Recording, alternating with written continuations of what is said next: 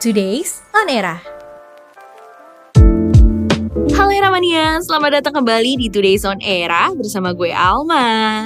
Ada apa sih yang seru di tanggal 20 Januari 2022? Abis peresmian UU IKN, isu siapa yang menjadi pemimpin atau kepala otorita IKN baru menjadi perbincangan juga nih Eramania. Sebelumnya, Presiden Jokowi emang pernah nih ngungkapin kandidat pemimpin ibu kota negara baru. Dari mantan Menteri Riset dan Teknologi atau Menristek Bambang Brojonegoro, mantan Direktur Utama Wijaya Karya atau Wika Tumiana, mantan Bupati Banyuwangi Azwar Anas hingga Komisaris Utama PT Pertamina Persero Basuki Cahaya Purnama atau Ahok. Nah, nama Ahok ini nih yang menjadi center banget diperbincangin oleh publik. Tapi sebenarnya apa aja sih kewenangan kepala otorita IKN baru ini? Nah, dikutip dari voi.id, kalau dilihat dari UU IKN ada beberapa kewenangannya nih. Antara lain, yang pertama bisa menjabat selamanya. Jadi UU IKN belum mengatur tuh soal pembatasan masa jabatan kepala otorita. Bisa aja kepala otorita ini menjabat terus-menerus selama masih dipercaya presiden. Yang kedua mengelola dana pembangunan 500 triliun rupiah. Wih, banyak juga ya. Puyeng tuh pasti ngelola dana sebanyak itu. Emang sih namanya mindahin ibu kota ya, pasti nggak sedikit tuh biayanya. Yang ketiga, otorita IKN Nusantara memiliki hak untuk diutamakan dalam pembelian tanah di IKN Nusantara. Dan kebijakan yang terakhir adalah dapat menggugurkan beberapa perundang-undangan. Nah, ketentuan ini diperlukan demi mempermudah tugas kepala otorita,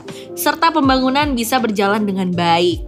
Jadi intinya, semua perundang-undangan atau peraturan daerah yang bertentangan dengan kepentingan pembangunan menjadi tidak berlaku lagi ya Ramania. Nah, itu dia tadi kewenangan yang bisa dilakukan oleh kepala otorita. Sebenarnya sih masih banyak nih kewenangannya, tapi kamu bisa langsung baca nih di UU IKN-nya langsung ya Ramania. Ya, meski terkesan terburu-buru, semoga siapa pun nantinya yang menjabat di kepala otorita bisa menjalankannya dengan baik. Amin. Apalagi nih ya, masyarakat memandang UU IKN terkesan terburu-buru. Takutnya kan ada masalah nih di tengah jalan. Kayak agenda G20 ini nih yang lagi ada masalah di tengah jalan. Hmm, meski nggak sampai gagal sih, tapi pindah lokasi nih.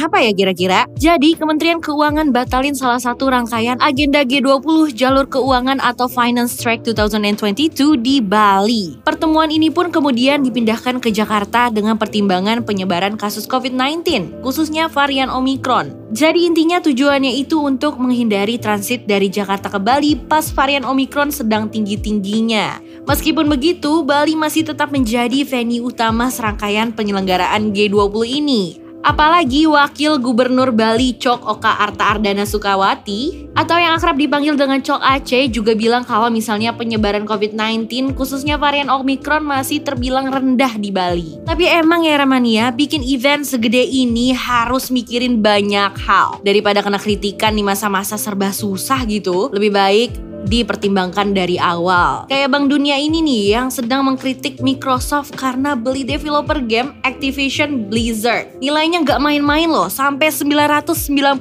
triliun rupiah. Dikutip dari livemint.com, Presiden Bank Dunia World Bank David Malpass mengkritik Microsoft terkait pengambilan developer game Activision Blizzard senilai 69 miliar US dollar atau setara dengan 991 triliun rupiah. Kritikan ini dilontarkan karena saat ini kondisi negara-negara miskin masih berjuang untuk merestrukturisasi utang dan memerangi COVID-19 serta kemiskinan. Ia juga mengaku terkejut dengan nilai pengambil alihan developer game tersebut. Ia menganggap bahwa seharusnya nih modal-modal ini perlu mengalir ke negara-negara miskin. Menurutnya, angka tersebut bahkan jauh lebih kecil daripada sumbangan dana dari negara-negara donor yang lebih kaya untuk Asosiasi Pembangunan Internasional, Dana Bank Dunia untuk negara-negara termiskin. Sumbangan yang dimaksud hanya senilai 23,5 miliar US dollar era mania atau nggak sampai setengah dari yang Microsoft keluarin untuk beli developer game Activision Blizzard era mania. Oke, itu dia tadi berita terbaru di tanggal 20 Januari 2022. Dimulai dengan kewenangan dari Kepala Otorita IKN baru, lalu dilanjutkan dengan berita pembatalan salah satu rangkaian agenda G20 jalur keuangan atau Finance Track 2022 di Bali, dan berita yang terakhir adalah Presiden Bank Dunia David Malpass mengkritik Microsoft karena telah membeli developer game Activision Blizzard dengan harga 69